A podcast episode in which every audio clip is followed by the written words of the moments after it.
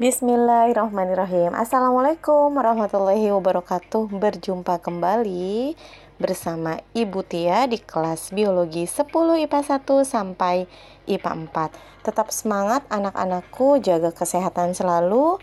Ya, materi setelah PTS kita masih ada tentang dinamika komunitas Kemudian ada tipe-tipe ekosistem dan juga perubahan lingkungan. Itu adalah materi kita setelah PTS. Jadi tetap semangat. Yang kemarin masih banyak yang lalai ya. Sebelum PTS, setelah PTS kalian harus berubah. Ibu yakin kalian akan selalu berusaha untuk berubah menjadi lebih baik ya. Yang namanya sering Ibu sebut kemarin-kemarin dalam pertanyaan khusus karena kalian kurang aktif atau karena kalian lalai harus berubah menjadi lebih baik ya. Karena banyak yang sudah berjanji sama ibu untuk tidak mengulangi perbuatan yang tidak baik atau kelalaiannya semoga istiqomah, semoga bisa menepati janjinya terhadap ibu, oke? Okay? Ya, selalu sehat dan semangat untuk menghadapi pembelajaran ini ya, oke? Okay? Anak-anakku semuanya, sebelum kita belajar, kita biasakan untuk berdoa terlebih dahulu. Berdoa mulai. Doa selesai. Oke, seperti biasa nanti akan ada kuis interaktif dan pertanyaan khusus bagi siswa yang sudah berjanji kepada ibu untuk merubah sikapnya menjadi lebih baik lagi. Oke, anak-anakku, kita mulai dari materi dinamika komunitas. Oke, dibuka buku paketnya ya, ada materinya di buku paket masih bagian ekosistem. Nah, untuk tipe-tipe ekosistem kalian siapkan buku paketnya ya. Buku paket halaman 283. Oke, 283 sampai halaman 288. Oke, sekali lagi disiapkan terlebih dahulu buku paketnya 283 sampai 288 dan juga materi di GCR yang sudah Ibu share kemarin ya tentang tipe-tipe ekosistem. Untuk dinamika komunitas itu sudah ada di PPT yang ada di GCR materi ekologi. Kalian bisa buka saja. Oke, baik anak-anak, siapkan alat tulisnya karena materi pembelajaran itu tidak hanya didengarkan tapi juga dicatat untuk bagian-bagian yang penting. Ibu akan menjelaskan yang pertama mengenai dinamika komunitas, yaitu tentang perubahan komunitas siklis. Perubahan komunitas siklis terjadi pada periode tertentu, tetapi mudah kembali ke keadaan yang hampir sama dengan keadaan sebelumnya. Contohnya, perubahan komunitas selama musim kemarau dan musim penghujan. Pada musim penghujan, jumlah serangga dan katak lebih banyak daripada saat musim kemarau. Makanya ketika setelah hujan kalian sering mendengar katak yang sedang bernyanyi ya. Kalau katak sedang bernyanyi seperti itu rame ya, suara katak itu tandanya adalah katak tersebut sedang berkompetisi untuk mendapatkan perhatian dari betina. Nanti katak jantan yang paling bagus suaranya yang berhasil mengawini betina. Oke. Sedangkan perubahan komunitas non-siklis adalah perubahan yang terjadi secara drastis dengan kondisi komunitas cenderung berubah secara permanen. Perubahan non-siklis terkadang hanya dapat dilihat setelah beberapa tahun atau bahkan hingga lebih dari satu abad. Wah, ini sangat lama prosesnya ya. Perubahan non-siklis berkaitan dengan nilai sejarah, misalnya evolusi, migrasi, dan punahnya beberapa spesies tertentu. Oke, sekarang kita bahas tentang suksesi. Apa itu suksesi?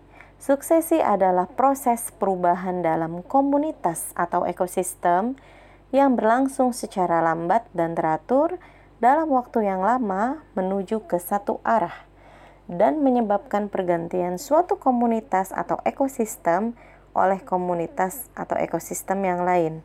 Berdasarkan kondisi komunitas awal pada daerah yang mengalami suksesi, maka tipe suksesi dapat dibedakan menjadi dua macam, yaitu suksesi primer dan suksesi sekunder. Nah, ini sering sekali ya anak-anak e, keluar dalam soal gitu. Jadi kalian harus tahu apa itu suksesi primer, apa itu suksesi sekunder beserta contohnya. Makanya perhatikan materi ibu hari ini yang ada di Spotify ya.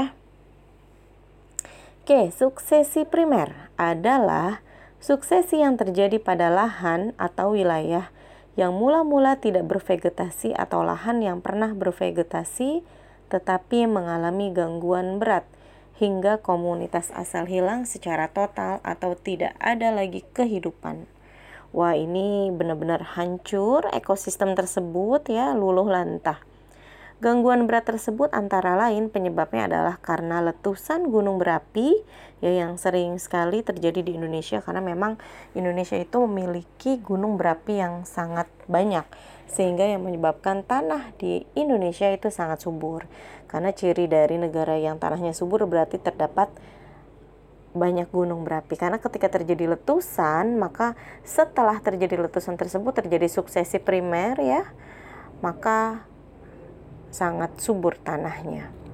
Kemudian jika terjadi gempa bumi ataupun tanah longsor, jadi benar-benar hancur ekosistemnya semuanya hilang dan nanti akan muncul kembali seiringnya dengan waktu dan uh, makhluk hidup atau organisme yang pertama kali muncul atau yang pertama kali tumbuh setelah terjadinya suksesi primer adalah lichen atau lumut kerak ya jadi dia adalah vegetasi perintis di mana makhluk hidup lain tidak bisa hidup tapi lichen atau lumut kerak bisa hidup dan dia akhirnya membuat pelapukan batuan dan muncullah vegetasi atau tanaman yang lainnya. Oke, itu adalah suksesi primer. Next, selanjutnya adalah suksesi sekunder. Adalah suksesi yang terjadi pada lahan atau wilayah yang pada awalnya telah bervegetasi sempurna, kemudian mengalami kerusakan tapi tidak sampai menghilangkan komunitas asal secara total.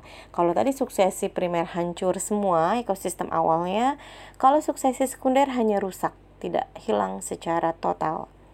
Pada suksesi primer, vegetasi dan bakal kehidupan lainnya berasal dari luar habitat asli. Sementara pada suksesi sekunder, vegetasi dan bakal kehidupan lainnya berasal dari habitatnya sendiri dan sebagian lainnya berasal dari luar. Contoh dari suksesi sekunder penyebabnya adalah karena banjir. Nah, mungkin kalian ada yang mengalami banjir beberapa bulan yang lalu. Nah, itu berarti sudah terjadi yang namanya suksesi sekunder atau misalnya terjadi kebakaran pada suatu daerah gitu ya atau misalnya terjadi penebangan hutan karena itu tidak merusak semua ekosistem yang ada di sana. Oke, semoga untuk suksesi ini kalian cukup paham ya. Itu merupakan perubahan komunitas yang non siklik. Oke. Kalau tadi perubahan komunitas siklis itu bisa saja karena adanya yang namanya natalitas atau kelahiran dan mortalitas atau kematian gitu atau terjadinya migrasi. Oke. Siap-siap untuk kuis yang pertama ya anak-anak. Siapkan jarinya, siapkan HP-nya karena kalian harus mengirim ke Telegram Ibu. Oke, pertanyaan yang pertama tentang suksesi. Ya. Suksesi apakah yang menghancurkan ekosistem secara total yang bisa saja disebabkan oleh letusan gunung berapi. Suksesi apakah itu? Oke, kuis yang pertama. Oke. Selesai untuk kuis yang pertama. Oke, anak-anak, selanjutnya Ibu akan bahas tentang tipe-tipe ekosistem Sekali lagi sambil dibuka buku paketnya halaman 283 sampai 288 atau materi yang ada di GCR yang Ibu kasih keterangan materi pasca PTS ya silahkan boleh sambil dilihat jadi sambil didengarkan dan juga sambil dilihat sumber belajarnya Oke, secara umum terdapat tiga ekosistem yaitu ekosistem air, ekosistem darat, dan ekosistem buatan. Yang pertama yang akan Ibu bahas adalah ekosistem air atau akuatik. Nah, ekosistem air ini dibagi menjadi dua macam yaitu ekosistem air tawar dan ekosistem laut ya. Ekosistem air tawar berarti ekosistem yang airnya tidak terasa asin atau tawar. Sedangkan ekosistem laut yaitu ekosistem yang airnya terasa asin. Ekosistem air tawar atau ya ekosistem air tawar ini dibagi menjadi dua yaitu ekosistem air tawar lotik dan ekosistem air tawar lentik. Kita bahas yang lotik dulu. Lotik ini memiliki ciri airnya berarus. Contohnya ekosistem sungai, ya jadi airnya mengalir atau mempunyai arus. Organisme yang hidup pada ekosistem ini dapat menyesuaikan diri dengan arus air. Contohnya ikan belida, serangga air, dan diatom yang merupakan ganggang atau alga yang dapat menempel pada batu. Produsennya adalah ganggang atau alga, akan tetapi umumnya organisme lotik memakan detritus yang berasal dari ekosistem darat dan sekitarnya. Apa itu detritus? Detritus itu adalah sampah, dedaunan. Ya. Next, Ekosistem air tawar yang kedua yaitu lentik. Memiliki ciri airnya tidak berarus. Ya, jadi tidak mengalir. Contohnya adalah ekosistem rawa air tawar, rawa gambut, padang rumput rawa, kolam, dan danau. Rawa didominasi oleh tumbuhan berkayu. Rawa gambut didominasi oleh lumut sphagnum. Ekosistem danau dan kolam terdiri dari tiga wilayah, yaitu litoral, limnetik, dan profundal. Wilayah litoral adalah wilayah tepi danau dan kolam. Organisme litoral antara lain teratai, yang bunganya sangat cantik ya, hidrilla, hidra, capung, katak, burung, dan tikus. Vegetasi pada wilayah litoral didominasi oleh tumbuhan yang mengapung atau tenggelam, seperti tadi eceng gondok ataupun teratai ya. Kemudian wilayah limnetik adalah wilayah perairan terbuka yang masih dapat ditembus oleh cahaya matahari. Pada wilayah ini banyak mengandung fitoplankton dan zooplankton. Fitoplankton dan zooplankton ini tidak bisa kalian lihat ya karena memang dia sangat mikroskopik atau harus pakai mikroskop. Fitoplankton ini berarti plankton yang merupakan jenis tumbuhan yang berperan sebagai produsen. Sedangkan zooplankton adalah plankton jenis hewan yang merupakan konsumen tingkat satu.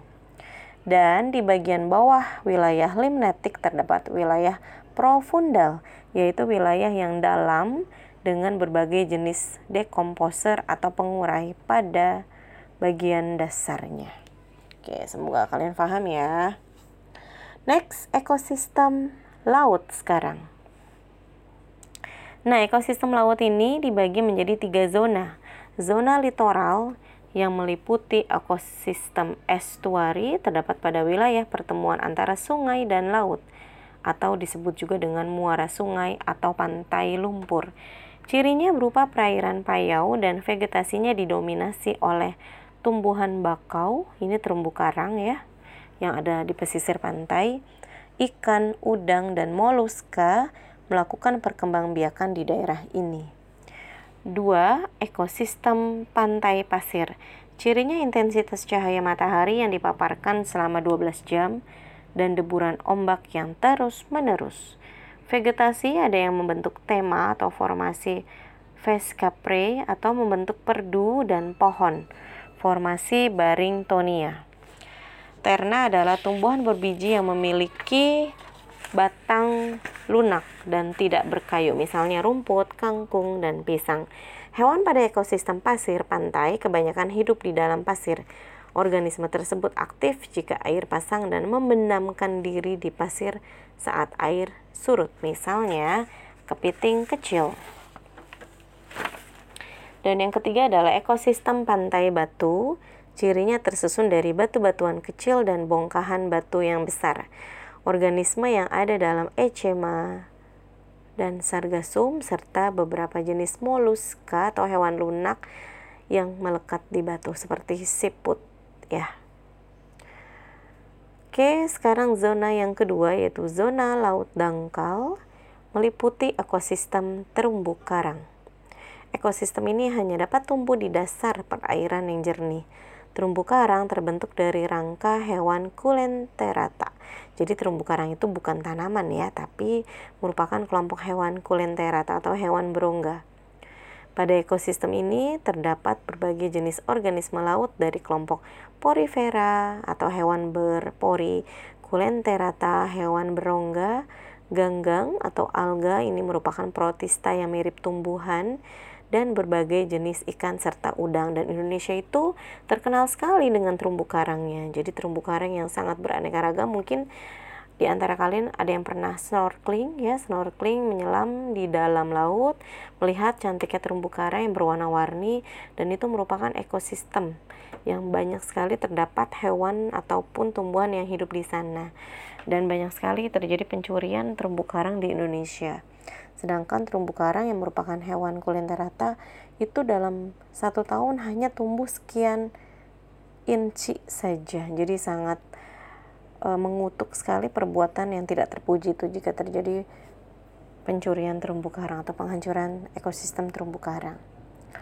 Dan yang ketiga adalah zona pelagik. Zona pelagik ini meliputi ekosistem laut dalam. Ekosistem ini berada pada kedalaman 76.000 meter dari permukaan laut sehingga tidak ada lagi cahaya matahari sehingga sangat gelap ya.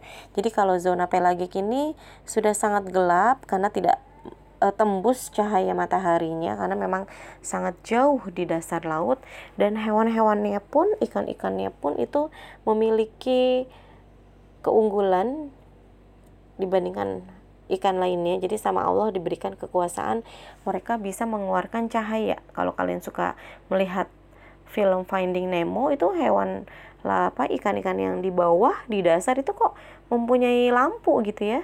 Dan memang e, ikannya terlihat lebih seram karena memang yang mereka makan adalah bangkai-bangkai sisa dari perairan yang atas gitu. Jadi udah sisa-sisa sekali gitu kayak misal kemarin terjadi uh, ada pesawat jatuh di dalam laut ya otomatis jenajah-jenajahnya mayat-mayat manusianya itu sudah habis dimakan oleh ikan-ikan yang paling dasar laut ya yang seram-seram itu yang memiliki gigi yang sangat tajam dan juga memiliki lampu. Karena memang e, di perairan dalam atau zona pelagik itu sudah tidak sampai mataharinya gitu. Jadi hewan-hewan tersebut harus memiliki cahaya sendiri dari tubuhnya gitu. Makanya Allah Maha besar sekali ya yang sudah menciptakan makhluk hidup yang begitu luar biasa.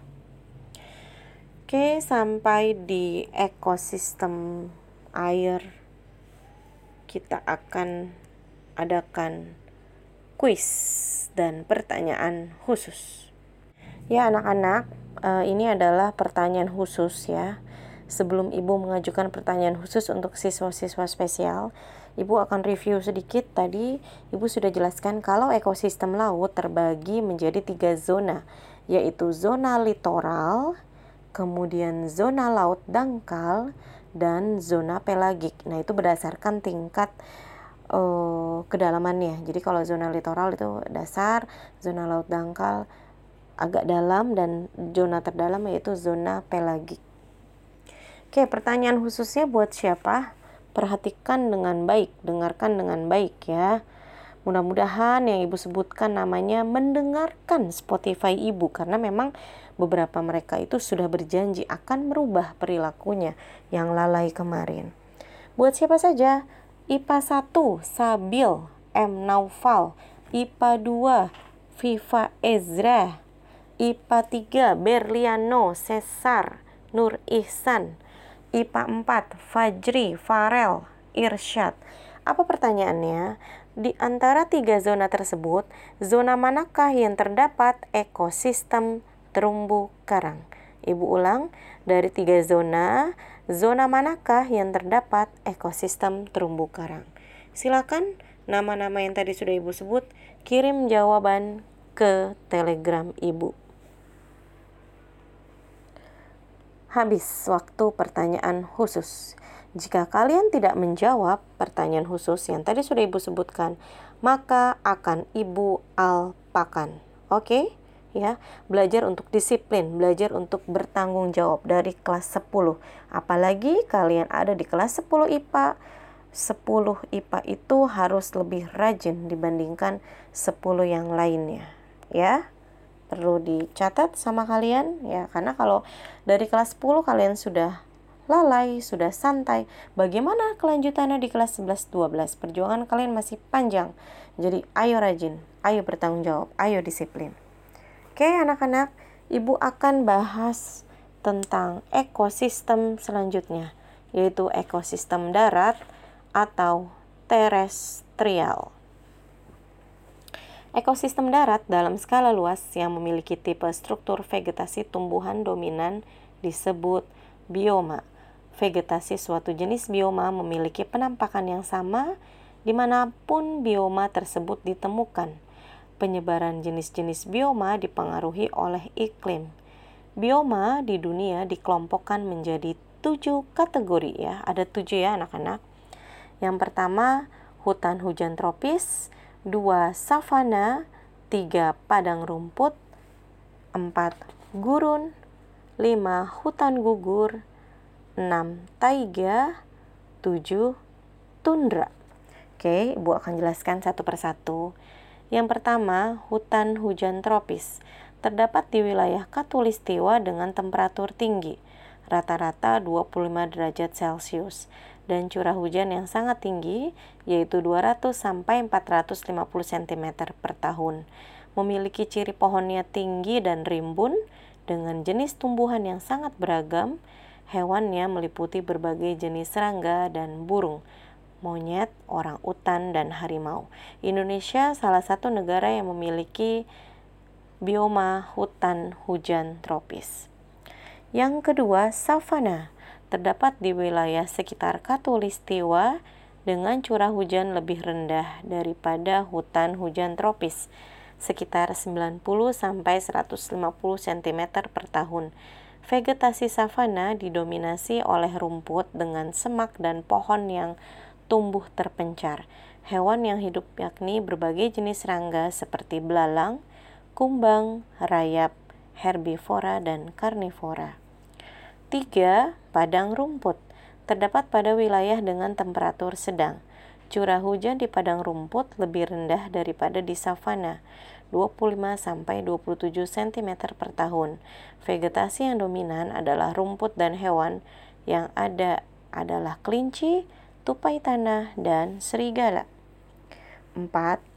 Gurun Terdapat di belahan bumi sekitar 20 sampai 30 derajat lintang utara dan lintang selatan. Curah hujan rendah yaitu kurang dari 25 cm per tahun.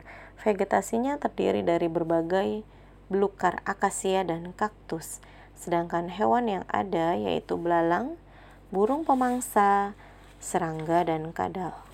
Hewan-hewan gurun melakukan kegiatan pada malam hari atau nokturnal. Jadi sangat terkenal di gurun ya. Jadi hewan itu hewan aktif pada malam hari. Karena siang harinya sangat terik gitu mereka tidak mau kehilangan energinya karena memang sulit sekali air di daerah gurun. Yang kelima, hutan gugur terdapat di pegunungan wilayah tropis dan di wilayah subtropis yang mengalami pergantian musim panas dan dingin.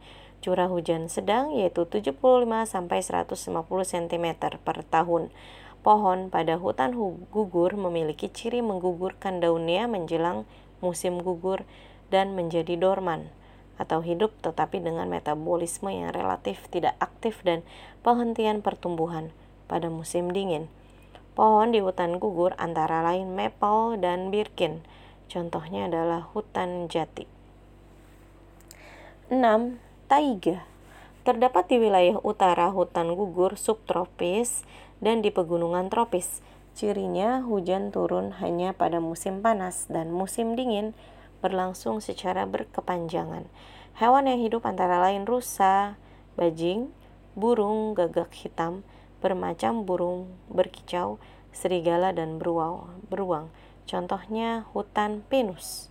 Dan yang terakhir adalah tundra terdapat di dekat kutub utara yaitu pada 60 derajat lintang utara disebut tundra Arktik, sedangkan tundra yang terdapat di puncak gunung disebut tundra alpin. Ciri bioma tundra adalah musim dingin terjadi di setiap waktu sepanjang tahun. Vegetasi tundra didominasi oleh rumput alang-alang, lumut daun, dan perdu. Tidak terdapat pohon, Hewan yang ada kelinci, burung hantu, serigala, rusa, dan domba. Oke, sebelum kita ke ekosistem yang terakhir, yaitu ekosistem buatan, waktunya kuis yang kedua. Siap-siap. Ini untuk semua siswa ya, silahkan perbanyak nilai keaktifan kalian karena kelebihan mata pelajaran biologi sering sekali melakukan quiz untuk mengangkat nilai keaktifan kalian yang akan bermanfaat untuk menaikkan nilai rapot kalian ya. Jadi manfaatkan kesempatan yang ada. Sayang sekali kalau tidak pernah ikut quiz. Nilai keaktifannya kosong, melompong, sayang. Apa pertanyaan untuk quiz yang kedua? Tadi di ekosistem darat yang sebanyak tujuh macam yang sudah Ibu jelaskan ya. Banyak sekali uh, perbedaan antara mereka dan yang ibu tanyakan adalah bioma manakah yang memiliki ciri hewannya hanya aktif pada malam hari atau hewan nokturnal. Ya, silakan kalian kirim langsung ke Telegram Ibu. Waktu kuis kedua habis dan kita akan menuju ke pembahasan yang terakhir, yaitu jenis ekosistem yang ketiga adalah ekosistem buatan. Namanya juga ekosistem buatan, artinya ekosistem yang diciptakan manusia untuk memenuhi kebutuhannya. Contohnya adalah bendungan, hutan tanam produksi, agroekosistem berupa sawah tada hujan, sawah irigasi, perkebunan sawit dan perkebunan kopi. Biasanya tujuannya adalah untuk perekonomian dan juga untuk ekosistem itu sendiri. Misalnya kayak di daerah perbatasan antara Jakarta dan Bekasi ada BKT, banjir kanal timur ya. Mungkin beberapa dari kalian pernah mengunjungi. Nah, itu adalah salah satu bentuk ekosistem buatan. Tujuannya untuk apa? Pembentukan BKT tersebut untuk menghindari atau meminimalisir banjir yang ada di Jakarta. Ya, jadi ekosistem buatan dibuat untuk tujuan tertentu, biasanya untuk ekosistem itu sendiri, untuk perbaikan ekosistem itu sendiri, misalnya mencegah banjir, tanah longsor, dan untuk kegiatan perekonomian, misalnya untuk sawah ataupun untuk perkebunan. Oke anak-anak materinya sampai di sini. Jika nanti masih ada yang mau ditanyakan atau yang belum paham, kita menuju ke forum GCR. Silahkan yang masih belum paham, yang masih tidak mengerti, silahkan bertanya. Yang bertanya dapat nilai tidak mudah apa pun itu bertanya, menjawab walaupun salah tetap dapat nilai. Tapi kalau untuk kuis, ketika kalian menjawab salah, tidak akan ibu beri nilai keaktifannya ya. Jadi yang ibu beri nilai keaktifan untuk kuis, untuk yang menjawab benar saja. Ada tugas tidak bu untuk pekan ini? Jelas ada ya. Apa bu tugasnya? Tadi kan ibu sudah menjelaskan tentang tipe ekosistem di daerah ekosistem darat yang terbagi menjadi tujuh bioma. Nah, tugasnya adalah kalian mencari gambar contoh tujuh ekosistem darat tersebut ya. Ingat, Ibu tidak akan menulis deskripsi tugas ini di GCR karena supaya kalian mendengarkan Spotify yang sudah Ibu buat ini. Tugasnya adalah mencari gambar dari ketujuh macam ekosistem darat. Ada tundra, taiga, hutan gugur ya. Ya, harus kalian cari gambarnya plus contoh negaranya atau contoh daerahnya ada di mana. Tadi kan Ibu baru mencontohkan hutan hujan tropis yaitu daerah Indonesia, negara Indonesia contohnya. Tapi tadi untuk taiga, hutan gugur dan yang lainnya belum ada. Jadi tugasnya adalah tentang ekosistem darat, mencari gambarnya dan contoh negara atau daerahnya. Paham ya? Bagaimana Bu mengerjakannya?